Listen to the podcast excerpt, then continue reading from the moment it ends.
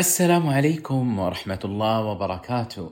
أهلا وسهلا بكم مستمعي ومستمعات بودكاست دلالة. أنا أمجد الجهني وهذه حلقة جديدة.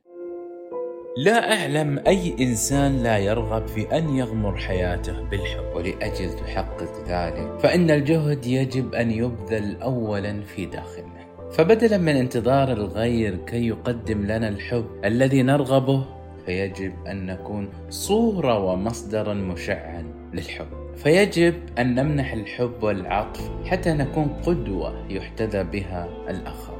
ولقد قيل بأن أقصر نقطة بين نقطتين هي خط مستقيم. وينطبق ذلك بالفعل على الحياة التي يغمرها الحب. إن نقطة البداية أو الأساس للحياة التي يملؤها الحب تتمثل في الرغبة والالتزام بأن تكون مصدرا للحب وسوف تقودنا مواقفنا واختياراتنا وأفعالنا الخيرة واستعدادنا لأن نكون البادين بالمعروف صوب هذا الهدف. وفي المرة القادمة التي تشعر فيها بالإحباط نتيجة نقص هذا الحب في حياتك أو نقصه في العالم فحاول هذه التجربة. انسى العالم والغير للحظة وبعد ذلك عليك أن تمعن النظر في قلبك هل يمكنك أن تصبح مصدرا أكبر للحب؟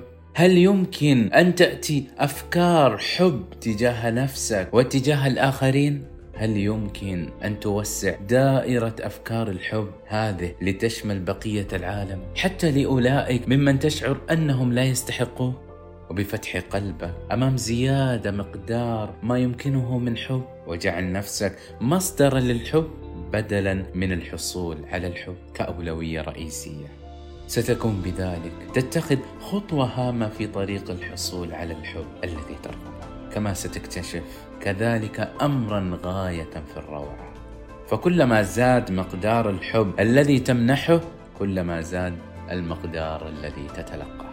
وكلما زاد تركيزك على كونك شخصا محبا بدرجة أكبر هو الشيء الذي لا يمكن أن تسيطر عليه. وتركيز أقل على أن يحبك الآخر وهو ما لا يستطيع التحكم فيه. فستجد أن هناك قدرا هائلا من الحب في حياتك وعاجلا سوف نكتشف أحد أكبر أسرار الحياة. الحب يجلب الحب.